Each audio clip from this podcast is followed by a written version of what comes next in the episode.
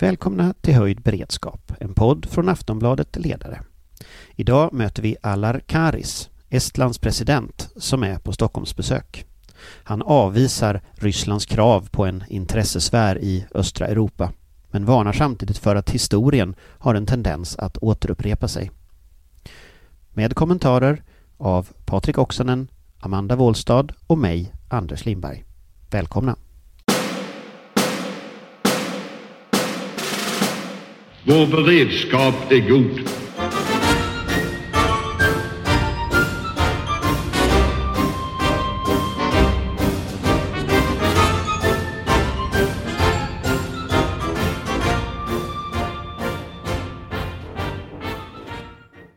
Alar Karis, Republic, President of the Republic of Estonia. Welcome to Stockholm. Pleased to see, pleased to be here. Yes. And and we are just meeting at the Estonian school here in Gamla stan in Stockholm. So what what is your impression so far? Yeah, I just finished a tour around the school, and it's uh, it's quite impressive. That in uh, city center we have this kind of school, and uh, young kids they uh, study Estonian and uh, and Swedish, of course, and but it's very impressive that they keep their language going, and uh, not only at homes but also at school. So I find it very very important. Coming from a very small country, our keeping our language alive is extremely important. I, I heard that you have been here before, actually. Yeah, when I was a visit, uh, state visit of uh, of our one our former president, uh, President Ilves. So I was uh, rector of University of Tartu at the time. So I uh, I was a part of a delegation. So I I didn't make a tour around the, the school, but I was uh, I was around here. So yes, I have been I have been here before of course, this is a, a, quite perilous time for, for Europe and for Estonia. And, and from from the perspective of Tallinn, uh, how do you view the deteriorating security situation now in, in, in Europe? Of course, it's uh, it's quite a concern, and uh, uh, things uh, develop very fast. Uh, and it's not only from a perspective of Estonia, but also from a perspective of whole Europe and the whole world, actually. So we all uh, keep eye on these developments which are happening now in, in Ukraine and uh, around Ukraine. So uh, this is a major concern uh, at the moment. So. Russia claims spheres of influence in Europe, and those spheres of influence include Estonia. W what is your reflection on that Russian policy? No, this is something we uh, uh, we don't accept. So, uh, and I have also said in different interviews that this is not acceptable in in uh, 21st century. So, uh, we should uh, find our means of uh, of uh, first of all how to how how should I put it to um, reflect in different ways how to. Um, how to support what we want to do as a, as a country. So, but spheres of influence, this is something which is not um, acceptable nowadays. So it's it's not only again it's not only Estonia and Baltic states and uh, and Eastern Europe, but it also concerns uh, Finland, uh, Sweden, and so on. What does the membership of of the European Union and NATO mean for you in a situation like this? It is important uh, because otherwise we wouldn't uh, want to become a member of European Union as well as uh, as NATO. So uh, for us, it's uh, uh, this kind of uh, so-called umbrella is uh, extremely important, even uh, especially in these these days as with escalation in Ukrainian border is is taking place. So. it does not mean that we don't have to do anything, and only I think that we get help from, from other countries and uh, from our allies, but uh, but still it is important, and we haven't tracked to these uh, organizations like NATO, EU. So this is this is our will and our our people's will. So uh, and uh, I think we are extremely happy that we are a member of of these two organizations. Of course, it's a little bit of a contrafactual question, but if if you wouldn't have been members of EU and NATO, do you think that Russia would put the same pressure on Estonia like they're doing on, on Ukraine at the moment? It's difficult to say because it's hypothetical question. It's very so, hypothetical. Yeah. But uh, because even now we exactly don't know what's happening in heads of uh, of uh, government in, in, in Russia. So uh, it's very difficult to uh, to answer to this question. But I guess the chance that these kind of things would have happened uh, on borders of Estonia, it's quite uh, quite clear that it is uh, the percentage, percentage is much much higher. If you look at the, the response from, from the West so far, uh, do you think this response is enough to deter Russia from using military force, or as in their term, military technical measures, as they're saying? Do you think the deterioration uh, that, that this will, in, in a way, work as a deterrence? Is it enough? Uh, whether it's enough, it's difficult to say, but this is definitely one thing uh, thing to do, and uh, and it's important to mention that uh, we are united in in that sense in European Union because one point probably uh, Kremlin and uh, President Putin want to make that we are not united and we are going to be divided in this Ukraine matter, but this didn't happen. So I guess this is important. Yeah. The, the, Swedish government keeps uh, repeating that the security infrastructure of Europe is not negotiable. Um, but if you look at the negotiations the past two weeks, one of the key negotiations is between Russia and the United States without Europe at the table. How much of a problem do you think it is that the sort of great powers is back in this this uh, negotiating game, for example, in, in, in Geneva, uh, where Europe is not at the table? First of all, we have to make sure that if these, uh, uh, how did you put it, it big powers uh, sit behind the table, to make sure that uh, nothing is going to happen uh, uh, behind behind our our back. That means whatever they negotiate has been negotiated between countries of of European Union. we have to use all the means. That means all these big powers sit behind the table. Also, European Union. I mean, most of uh, uh, most of the NATO members are also members of the European Union. Of course, there are countries like Finland, Sweden, and some others. So we have to find also uh, ways to uh, to talk to also to these peoples and. Uh, Jens Stoltenberg as well as uh, Ursula von der Leyen, they actually did speak about this this matter, and mm, it is important that no country in Europe uh, would have felt that they are not left behind somehow. So uh, we have to keep in mind uh, all the time. But if you look at the the world from from your perspective and from your historical background, also as occupied by the Soviet Union and, and so on, do you think we're entering into a phase of a big power competition again, like we did during the Cold War and and previous uh, in previous history?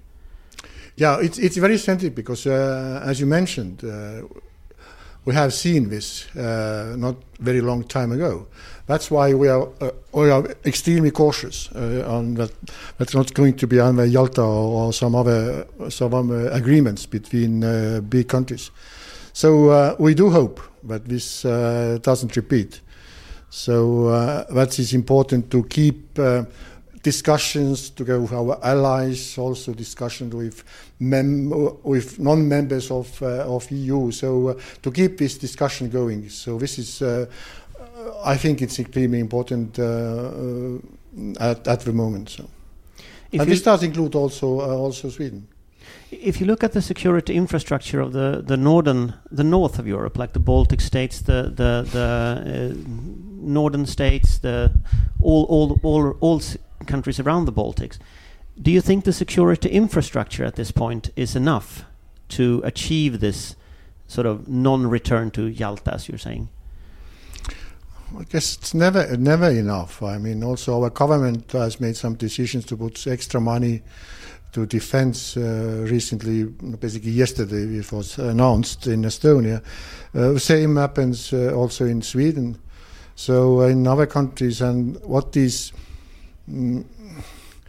our, from our perspective, it is uh, important that uh, instead of um, taking away uh, troops or NATO troops from, from Baltic states and from other states, so to put actually more uh, power to this uh, this region from NATO and uh, also from from our side. So this is the way to go forward there is today. I mean, you're you're a member of NATO. Sweden and Finland is not a member of NATO.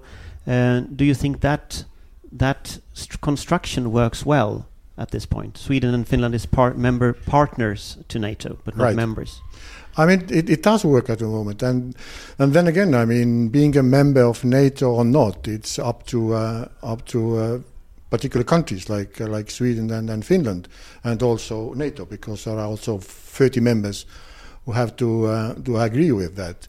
But uh, this partnership does work at the moment, so uh, I. I, I wouldn't be very worrying that, uh, let's say, Sweden and and Finland are not members of NATO. But of course, from uh, from point of view Estonia, uh, we'd be very happy if uh, if our um, good partners are also members of of NATO. If you look at the one of the Russian claims or, or demands is that it's a stop for exercises uh, when it comes to countries like like uh, like Estonia, for Mhm. example. And uh, do you have any plans to to decrease or stop the exercises with with Sweden, with NATO, with other countries that is going on? I guess it's quite the contrary. So uh, I think we should keep continuing all these military exercises, and we are all we are all defensive anyway. We are not uh, we- want to attack anybody, but exercises are important part of uh, of of NATO, and uh, and it's up to NATO in which countries and uh, uh, also scope and scale of of these exercises. So. Uh, there is no way that we, we stop these kind of elements in in Estonia. One of the claims in the Swedish debates from some some people, uh, they have argued that Russia have legitimate security concerns and argued that Russia feels encircled by NATO. What is your response to that? The same response uh, that uh, also uh, Jan Stoltenberg said, and uh, not, only him. We are organization, I mean NATO, who is defensive. We- don't. We are not planning to attack anybody. Actually, the same claims Russia, that they are also defending themselves. So. It's it's kind of funny uh, situation. We we both want to defend ourselves, but we can't sit behind the table and, and discuss the matter because these points that was made by by Russia, these are not acceptable at all. So uh, it's not worth uh, discussing. Of course, we can discuss things like uh, making these exercises maybe more um, transparent and so forth, not only from our side but also from from Russian side. So this is a point of discussions, but not these points what were made by uh, by Russia. So, so if you look at the future, uh, how do we get out of this situation? Is it any any way possible to de-escalate uh, the tensions in your view, or or is it sort of rock solid where they are? Which is what we are working at the moment, that because all these discussions, all these phone calls are part of this to de-escalate uh, the situation. And if if if it doesn't work, uh, then it's a new situation. And uh, we all have said there are going to be sanctions and, and so forth. Also, some military help from uh, from our sides, from different countries like UK. Also, Estonia promised to give some some uh, equipment to Ukraine and some others. So uh, then it's a new situation, and we uh, we ha- we have to react. But if you look at the future, what what what what do you think could be a solution to this crisis, in your view? No, The only solution is uh, de-escalation. What's going on at the moment uh, in in Ukraine, and the only way to do it is to sit down and discuss. And and concretely, what do you think? What steps could be taken? De-escalation of Russian troops, withdrawing of Russian troops from the border. I mean, where I mean, these things how do you can these this? things can be actually parallel. It it can't can't be a situation. We don't do anything before you, so uh, it can be in parallel. So, but we have to sit down, and we are sitting down at the moment. It depends how how long we uh, we we sit down behind the table, but. Uh, from my point of view, this is the only way at the moment to continue from here, to start discussing and uh, uh, with uh, with uh, Russians. And and with your uh, expertise and your historical experience of the Russian way of thinking, what do you think the next steps will be in this, in terms of the kind of Russian mindset in this? This is difficult to say. I mean, uh, nobody exactly knows what's going to happen, but most of experts say that there's going to be uh, escalation instead of de-escalation at moment. That means plans are there, but now the question is whether these plans going to realize or not. It's difficult to uh, to see into into brains of uh, of these people who have who have some plans in in Russia. But uh, we have to be very careful, and have to be got every information what we get from from different sources, from different uh, capitals, uh, from different organizations. Uh, I had discussion quite recently with uh, my colleague.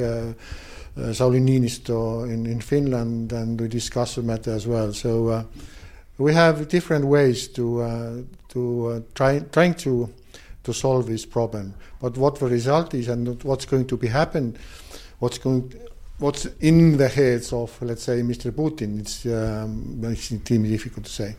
But but if you look at the what he has written before and what Russia has said before, this sphere of influence is quite large. It includes the Baltic states. It includes most of Eastern, Eastern Europe, the NATO members that that that uh, join NATO in the NATO enlargement. Mm. Where do you think this will end? Again, it's a very hypothetical question, but uh, um, because Mr. Putin, I mean, he has also uh, warned quite long time ago that he's going to annex Crimea. Uh, nobody believed at the time, but now it's a reality. So we have to be very carefully listen what comes um, out from Kremlin and what Putin uh, says. So uh, we, uh, we don't have to think that this is something, uh, some general rhetorics. So, uh, and this way we might mm, go to understanding what, uh, what's, uh, what, uh, what the plans actually are. But, but in the Russian doctrine and the Russian security policy doctrine, they have said that they, they, they, they reject the present order of the European security system since long time ago did this escalation come as a surprise for you, or was it something that you sort of had in the cards? No, it started yeah much much earlier because there are attempts of of, of different uh, different kind. Uh, like say the same what happened in uh, Belarus and Polish border. It happened also some time ago, uh, uh, six seven years ago, also in Finland. So this is something. This is not something uh, new. So and several things happen in parallel. So uh, and the same, the same is happening now. So it has been before, and also historically. I mean, yeah, history tends to repeat itself, but but still, in a very different way. And it's, uh, it's um, using tanks and uh, ammunition is not the only way to uh, to ma- make these spheres of influences. But but uh, I've read some of the documentation from your security service, for example. They published this this publicly uh, analysis of Russia and analysis of the situation. Uh, for many years, this is something that you have discussed in Estonia. Uh, in in some way, we discussed it in Sweden. In mm. some way, in Finland. Why do you think Europe feels so surprised by this situation now? It's probably more distance you are from the border of uh, Russia. It's probably more difficult to understand the seriousness of uh, of a situation. That's why Baltic states, also Poland and some other, trying to explain also our partners in Europe was this actually going to happen, and this actually happened. So. Uh, we have some, yeah, it is a very sensitive topic for us because, as you mentioned, also historically, we know what's uh, how it might end. So, but now Europe has probably understood that uh, this is a serious issue. Uh, no matter whether one country or another has some uh, economical uh, interest uh, dealing with Russia. Even a German uh, minister recently said that uh, there might be uh, German for Germans economic interest, but uh, the security is more more important. Yeah, I was just coming to that because in Germany, for example, they at least the Social Democrats, for example, is quite close to the Nord Stream 2 project. In France, President Macron is saying this about strategic autonomy. Mm. He's brought, I think, yesterday he brought up the issue again, once again. Yes, yeah. uh, how do you get the Europeans to understand the kind of Nordic and Baltic perspective in this situation? I, I don't think we are we are related in that that kind that let's say President Macron says that no, we just some, yeah. two two ways of not understanding the Yeah. security framework. But it, it is important as uh, if you talk about security in Europe and uh, up to uh, European army. I mean, our position uh, is quite clear. There might be more uh, movements and developments uh, in, in, in that matter, but it should support NATO presence and something put on top of uh, what's actually NATO and their allies doing now in Europe. So this is our position. Uh, but of course, every country has some ideas. Uh, every country has some idea how to mm, get out of this situation. But there is no fast solution. Even if we're talking, talking about autonomy, uh, it's, uh, it's doesn't, it doesn't happen overnight. So we have to solve this problem first, which we are now at the Ukrainian border. But if you look at the long-term solution for Ukraine, uh, because we don't know whether there will be an invasion or whether there will be other uh, hybrid measures from Russia Mm. towards Ukraine, but the long-term solution of the situation, what would you say that is? Uh, long-term solution is uh, up to Ukraine, whether they want to become part of Western world or part of European Union or not. So, uh, and all what they are doing uh, is uh, is uh, it's also important. It's not only what we as partners and supporters do. Of course, we do support in every means that they finally get um, the, the reach reach their position that they are ready to to uh, become member of uh, let's say E- EU and NATO. So, uh, but it's uh, they have to do their homework as well. So, uh, so probably together we managed to to reach that point much faster. And and if you look at the Bucharest memorandum, where where Georgia and Ukraine was invited as a kind of a future member somewhere in the future to NATO, what is your reflection on that today? No, the, actual, the reflection is that uh, the doors are open. The same applies to Sweden and uh, and and Finland. So and the same applies to Georgia, to Moldova, to to Ukraine. But then again, I mean, there are problems that have to be solved also within the country. But on a principal level, the door is open Yes, this is a for position of- Ukraine, for for yeah, this is the position of NATO and the position of al- allies. So If we look at the situation at the present uh, in European Union, uh, you have before also talked about the European unity as a core issue here. How do you think you continue to have a European Union that is united on this issue in relation to Ukraine and Russia? the only way is to to share information, to talk to each other, and because we do share uh, same values, and uh, and this is important. Of course, we have seen also uh, during the course of this COVID that the unity sometimes uh, is very fragile. But uh, it is important that in, during this crisis uh, we are managed to to become united again. So this happened with COVID. Now this happened also with situation in Ukraine. That means we are all in the same position. So uh, this is important, and this probably these kind of things even help to become more united. We um, are at the moment. And, and just a last question: the coming few weeks, what? Because many of the people that listen to this in Sweden, that listen to to this uh, in in Aftonbladet, uh, they are a little bit afraid. Uh, they see uh, movements of Russian troops in a way that we haven't seen before. Mm. Sweden has put military force, increased the military force in Gotland. What do you think? What would you say to them from your perspective? You're on the other side of the Baltic. You are much closer to Russia, much more experience of Russia. What would you say to these people? I don't think we should be afraid. Uh, we should be cautious and we should be prepared.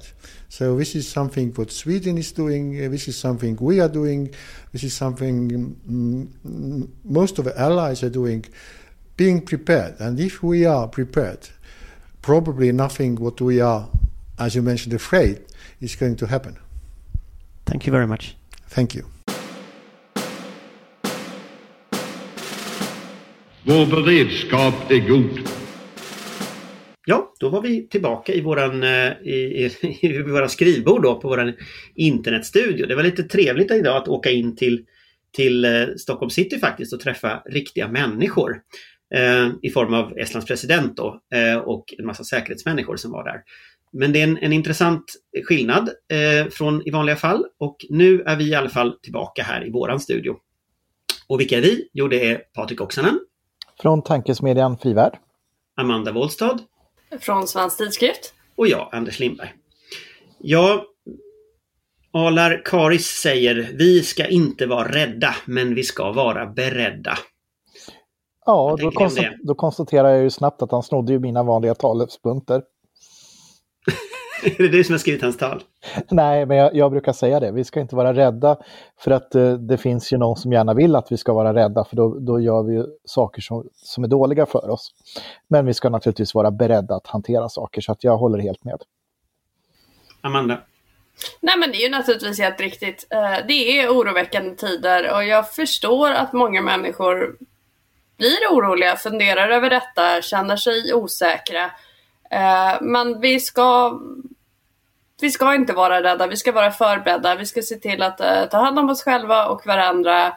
Eh, sitta lugnt i båten, hålla fast vid vår linje, ta hand om dem runt omkring oss. Även Försvarsmakten har ju understrukit det flera gånger att det finns ingen anledning till omedelbar oro. det handlar om att ha en hög beredskap, vara tydliga med var vi vill och vart vi står och sköta vår, vår normala beredskap både individuellt och som samhälle. Ja, eh, Alarkaris han, han har ju tillträtt som, för Estlands, pres, som Estlands president 2021. Eh, och, och när, man, när man pratar med honom, jag tycker det känns ganska tydligt som att det är en eh, finsk, lite finsk stil det här att man, man pratar liksom runt allting. Men lyssnar man på vad man säger, då är han stenhård. Och, och ett exempel på den här stenhårdheten, om man säger så, eh, som finns, det är ju det här när han pratar om ryska intressesfärer. Och, och, det här var ett tema som jag plockade upp som han har pratat om flera gånger tidigare eh, i olika tal, nyårstal, eh, tal tidigare i, i Estland till diplomatiska kåren och sådär.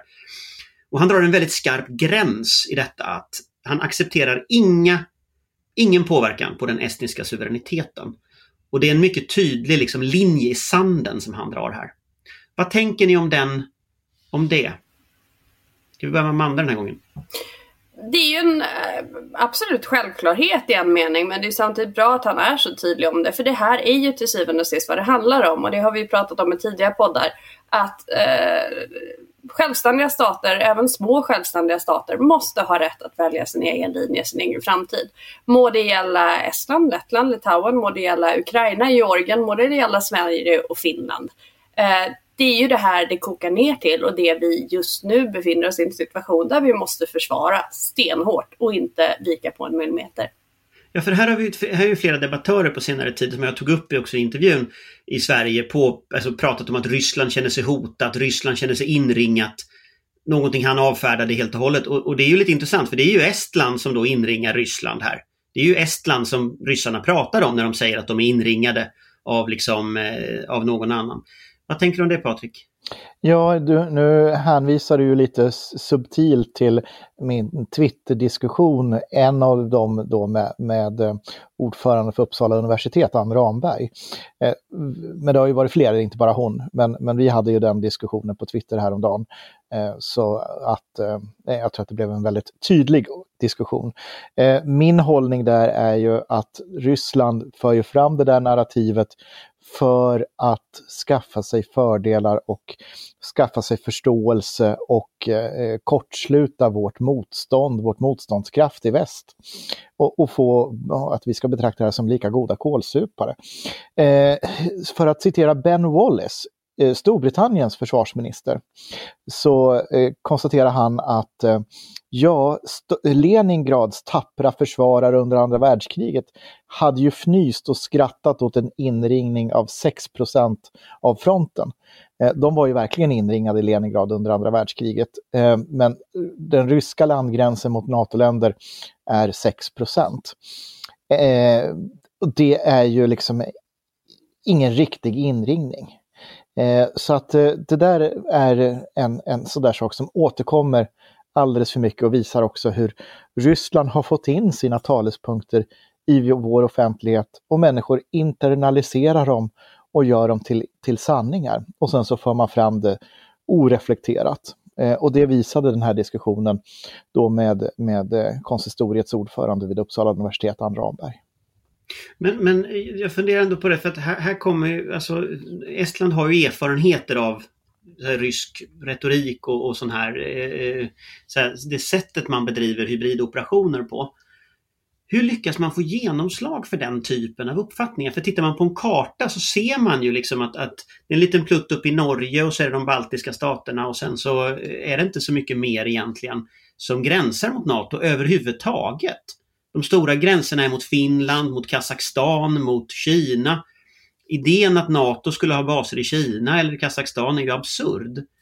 Så, så att liksom, vad, hur, hur kan perceptionen ha hamnat där? För det, nu, du tog upp en av de debattörer som har varit ute i diskussionen. Det är ju flera stycken som har varit ute i diskussionen, ska man säga. Och, och det här har ju varit ett tema också jag såg att Expressens ledarsida hade tagit upp det här och diskuterat och så, så att det har blivit ett tema i den svenska diskussionen. Ja, att man så saknar den ryska ståndpunkten här. Ja, uh, vi ska ju understryka då att Expressen var kritisk mot resonemanget. Ja, självklart. Ingen, men, ingen, men, ingen lyssnare tror tvärtom. Nej, det är ingen som tror tvärtom. Men liksom hur, jag är mer fascinerad av hur kan en sån bild sätta sig i eh, den svenska offentligheten? Den sätter sig i den svenska offentligheten av, av, flera skäl. Dels att det här är gammal rysk retorik som upprepats gång på gång på gång. Ryssland är duktiga på informationsområdet, de vet vilka triggerpunkter vi har för att skapa reflexer. Vi vill ju gärna se den andra sidan, ehm, det är inte ens fel att två träter.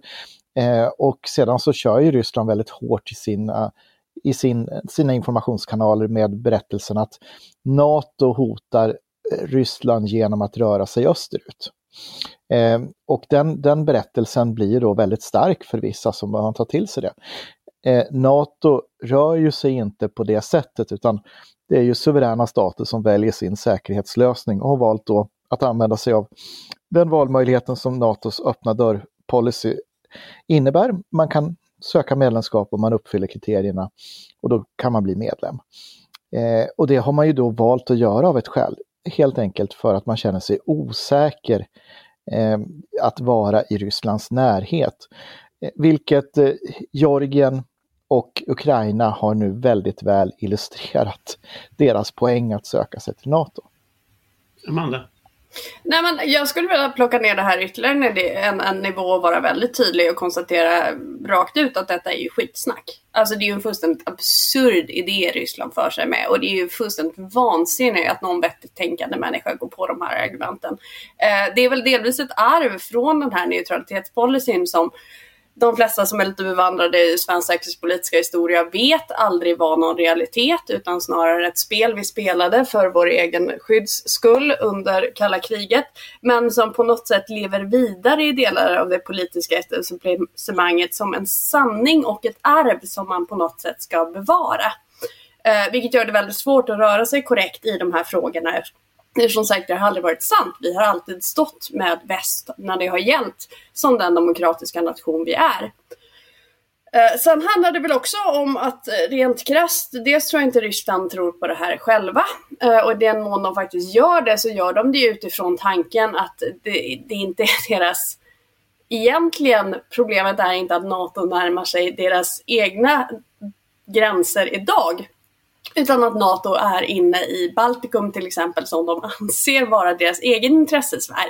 Eh, och helt enkelt inte har rätt att söka sina egna samband utan Rysslands tillåtelse. Eh, och då lever man ju vidare den här idén att, att eh, små länder inte spelar någon roll. Baltikum, Georgien, Georg, eh, Ukraina är egentligen ryska lydstater. Det är någon slags naturordning. Eh, Sovjets fall var mänsklighetens största katastrof, eller vad det var här Putin Ge Geopolitiska katastrof. Geopolitiska katastrof. Eh, man vill helt enkelt inte acceptera att det här är egna nationer. Det är precis därför man agerar så som man gör. Och de som repeterar de här tankarna och idéerna är ju nyttiga idioter med någon slags falsk idé om just uh, lyssna på båda, båda parter, vilket förpestar den, den samtida debatten i Sverige på så många sätt. Det blir en men, falsk men... balans helt enkelt som, som, som, som inträffar då. För här kommer vi in på ett annat tema som han, han pratar om när han, han eh, diskuterar eh, så här, hur ska man ta sig från den här punkten? Och, och, där är ju en ganska intressant fråga. Jag ställde ju frågan rakt ut hur man de deeskalerar. Och, och, när man lyssnar på svaret så, så det är lite svårt att se exakt hur man skulle kunna deeskalera. Eh, Estland kommer inte att ändra position. Sverige kommer inte att ändra position. NATO kommer inte att ändra position. Så deeskaleringen behöver så att säga ske på rysk sida. Men är det ett sannolikt scenario att det faktiskt kommer att deeskalera? Nej. Ryssland har ju ställt de här kraven just därför att de vill ha en ursäkt och låsa sig vid en linje. Um, därför att de är ju mycket medvetna om de krav som har ställt uh, eh, aldrig kommer kunna accepteras. Uh, NATOs open door policy som, som uh, Patrik pratade om tidigare. NATO är ju en demokratisk organisation där folk frivilligt söker, nationer frivilligt söker medlemskap och som tillsammans fattar beslut. och de kan inte på ett ryskt sätt agera och ändra sin konstitution därför att det passar just nu. Och det förstår Ryssland förmodligen, eller så vill de inte förstå det. Men därför har de ju också ställt krav som de vet är omöjliga att gå med på. Ryssland hoppas på att kunna skaka båten så pass mycket att eh, några av oss blir rädda och ramlar ur och eh, då splittras väst upp och eh, man kan då då skapa en, en ny ordning som följer de ryska intressena. Eh, det gör att eh, vi kan räkna med att Ryssland kommer att fortsätta skaka båten, det kommer att fortsätta vara farligt. Eh, vi kan räkna med att någonting kommer att hända i Ukraina och eh, dessutom så tycker jag att det var väldigt intressant här när Shoigu, då, Rysslands försvarsminister, han har idag meddelat att den ryska flottan eh, kommer genomföra övningar på alla vatten som de anser tillhör ryskt territorium och på världshaven. Men det är en ganska intressant formulering. Men om man tittar på konsekvenserna av den formuleringen, konsekvenserna av tidigare uttalanden om militärtekniska åtgärder, eh, rykten om att man ska placera förband i Venezuela, alltså det har ju varit det är mycket i, i, som svänger, svänger runt just nu. Eh, om man tittar på det som, som Alarkaris säger här så, så tittar han ju på ett strikt europeiskt perspektiv. Och att hålla ihop Europa. Att om vi håller ihop Europa då finns det en väg här framåt. Eh, men om det är som ni säger då kommer vi ju inte kunna vänta oss en deeskalering. Så vad är det i så fall som vi kan vänta oss konkret? Ja, bästa scenariot eh, en, en, en situation som, som innebär avskräckning och balansakt under lång tid där du har hybridkrig, tester, tillfälliga hot, mobiliseringar, ett eh, militärt poseringsspråk eh, som, som varar i flera år eh, och som förhoppningsvis hittar regler och former som gör att det kan stelna i sin form så att du inte har den här friktionen som skulle kunna leda till en brand. I... Det där skulle ju kallas ett kallt krig med reguljärt språkbruk. Så best case ett kallt krig. Vad är worst case i så fall? Ja, ett hett krig. The, the sky is the limit höll jag på att säga, på worst case. Eh, men men eh, jag tror att vi kommer att se en, en kombination av det genom att vi kommer nog att få se en militär urladdning mot Ukraina. Hur det kriget går återstår att se. Eh, och det leder till den här situationen mellan, mellan väst och Ryssland som, som jag beskrev. Amanda? Nej, men jag delar väl till stor del den bilden. Det här kommer vara normalläget ett, ett tag framöver. Nu ska vi inte använda den termen säger must, men, men det är så här, så här verkligheten ser ut nu och det kommer det kommer röra sig, hotbilden kommer röra sig upp och ner men den, den kommer inte försvinna på det sätt som vi hoppas och som vi har kunnat se tidigare. Um, det kommer ske urladdningar, vi kommer förmodligen se mer eh, proxykrig, konflikter i Mellanöstern och Afrika till exempel, där, där stormakternas idéer utspelar sig. Så ja, det, det, det är till stor del på, tillbaks till, till eh, kalla kriget. Sen får vi väl hoppas att vi att det inte blir fullt lika kallt den här gången kanske. Men eh, Eh, ja, en, en sista bara förtydligande så att inte alla konspirationsteoretiker som lyssnar på den här podden får för sig någonting. När Amanda refererar till Must så refererar hon till Must-chefens framträdande på Folk och Försvar där hon berättade att eh, Must inte använder sig längre av ordet normalbild för att då förleda sin egen tankeverksamhet till att tro att vi är inne i en normal situation. Eh, jag tänkte bara förtydliga det så att det inte skapas en konspirationsteori eh, kring vi har inte podden. fått några förhållningsorder från MUST. Nej, det vill jag vara väldigt tydlig med. Men- men Men, jag tycker att på- de har en god poäng i det resonemanget. Absolut, en Men- mycket god poäng. Men om man tittar på liksom, vad är den ryska målsättningen med detta? Så om man tittar på det utifrån och utifrån tidigare samtal vi har haft med experter och lyssnat på experter på Folk och Försvar och så. Så ser det ju ut som att Ryssland eftersträvar någon form av regime change i Ukraina. Och det kan ju uppnås på flera olika sätt. Det kan uppnås genom ett angrepp mot Kiev. Det kan uppnås genom ett angrepp mot östra Ukraina som destabiliserar Ukraina och driver fram en politisk kris som kan driva fram en mera ryssvänlig regering. Men det är liksom ingen som tror att det ska vara någon slags ockupation av hela landet av de experter som i alla fall jag har pratat med. Utan det scenario som folk tittar på nu det är att antingen så kommer man på något sätt att kunna göra en slags bakvänd cover, color revolution, alltså en bakvänd färgrevolution. Det vill säga regime change uppifrån. Eh, från rysk sida, att man hittar på någonting. Och det kan vara en hybridattack, det kan vara att man faktiskt militärt går in i östra Ukraina eh, ännu tydligare än tidigare. Eller det kan vara på olika sätt. Eh, men det känns ju spontant när man tittar på situationen som ett, ett möjligt nästa steg. Och sen om det är på en månad eller om det är på ett år eller hur lång den där spelboken är, det är ju eh, väldigt svårt att se. Men jag tänker i ett sådant scenario, där för de flesta verkar ju gissa att det blir någon form av eskalering.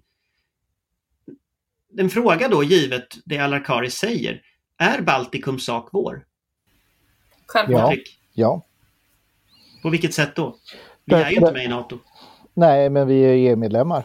Och vi har i vår eh, solidaritetsdeklaration och i vår säkerhetspolitik eh, formulerat den solidariska säkerhetspolitiken som går ut på att eh, nordiska medlemmar och EU-medlemmar, om någonting drabbar dem så står vi vid deras sida, precis som vi förväntar oss hjälp från dem. Eh, så att eh, vi eh, har en väldigt tydlig säkerhetspolitisk situation, position i det här och vi står fast i den. Det finns en, en mycket bred förankring i Sveriges riksdag i, för den formuleringen. Genom försvarsberedningen, propositionen sen som klubbades av regeringen, som antagits av riksdagen. Amanda? Uh, fullständigt självklart. Uh, det handlar om tre saker. Dels det Patrik så förtjänstfullt tog upp, uh, att det är vår fastlagda demokratiskt framvalda linje. Dels om lite vanlig jävla hyfs och anständighet. Det här är våra grannar som vi tar hand om, precis som de säkerligen skulle ta hand om oss om det behövs. Och i slutändan handlar det också om vår egen säkerhet och vårt självbestämmande. Därför att det som drabbar Baltikum kan också drabba Sverige. Och vi måste hålla stenhårt i linjen att eh, självständiga stater har rätt att bestämma sin egen väg. Så rent konkret, vad innebär det? Ja, det innebär att eh, om, om eh, då våra baltiska grannländer drabbas av ofreden så är även vi i ofred.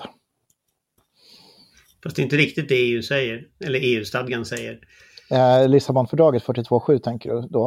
Eh, Dels, säger- dels Lissabonfördraget men dels också våran självständiga solidaritetsdeklaration. Ja, det- det är ju lite komplicerat, den är inte ömsesidig. Den är inte ömsesidigt, den är ensidigt formulerad. Den säger ju då att vi, vi, vi står inte på sidan om, eh, utan vi ska hjälpa dem. Och eh, tittar vi på hur svenskt territorium ser ut och eh, så, så, så kommer vi att vara i krig vi också. Precis som, ja, det är ju precis som Patrik eh, konstaterar, vi har ju ett, ett egenintresse av detta rent eh, praktiskt också. Det handlar inte bara om ideologi, i fina ord, utan eh, blir eh, Baltikum av någon anledning attackerat så kommer ju svenskt territorium vara högintressant eh, både för, för försvar och angrepp. Eh, så vi har allt intresse av att, att hjälpa dem även för vår egen skull. Sen är det väl så om man ska vara krass att det är väl inte särskilt sannolikt att man blir attackerad militärt eftersom man är medlem i NATO. Eh, men däremot vad som är sannolikt det är ju olika former av hybridoperationer och vi har ju sett till exempel drönare över våra våra kärnkraftverk i Sverige eller eh, flyger runt i Stockholm. Min association när jag ser det, det är lite så här, ah, ubåtskränkningar i luften. Eh, att det, det, blir på något sätt, eh, man vill liksom markera någonting här. Eh, och det är ju också en form av hybrid eh, krigföring eller hybridkonflikt på något sätt. Eh, vad tänker ni om det? Ja, jag tycker att det var en bra poäng där. Men jag tror att det bästa sättet att hantera det är ju att ignorera det psykologiskt. Eh, och inte ta till sig av det.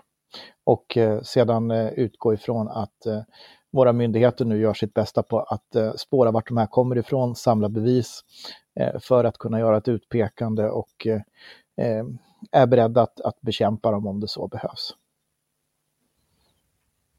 Ja, för när ni säger att man kan hamna i krig så är väl san sanningen den att på ett sätt så pågår ett krig redan. I ja, form av dessa drönare, i form av cyber, i form av information. Vi har ju All... konstaterat i den här podden ja. tidigare gång på gång att vi är i en konflikt redan. Ja, och om det är något land som vet det så är det ju Estland. De har ju tidigare varit utsatta för omfattande sådana här attacker.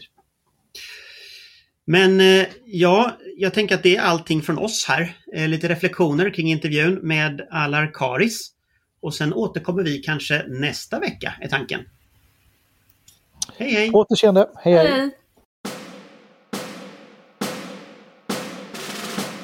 Vår beredskap är god.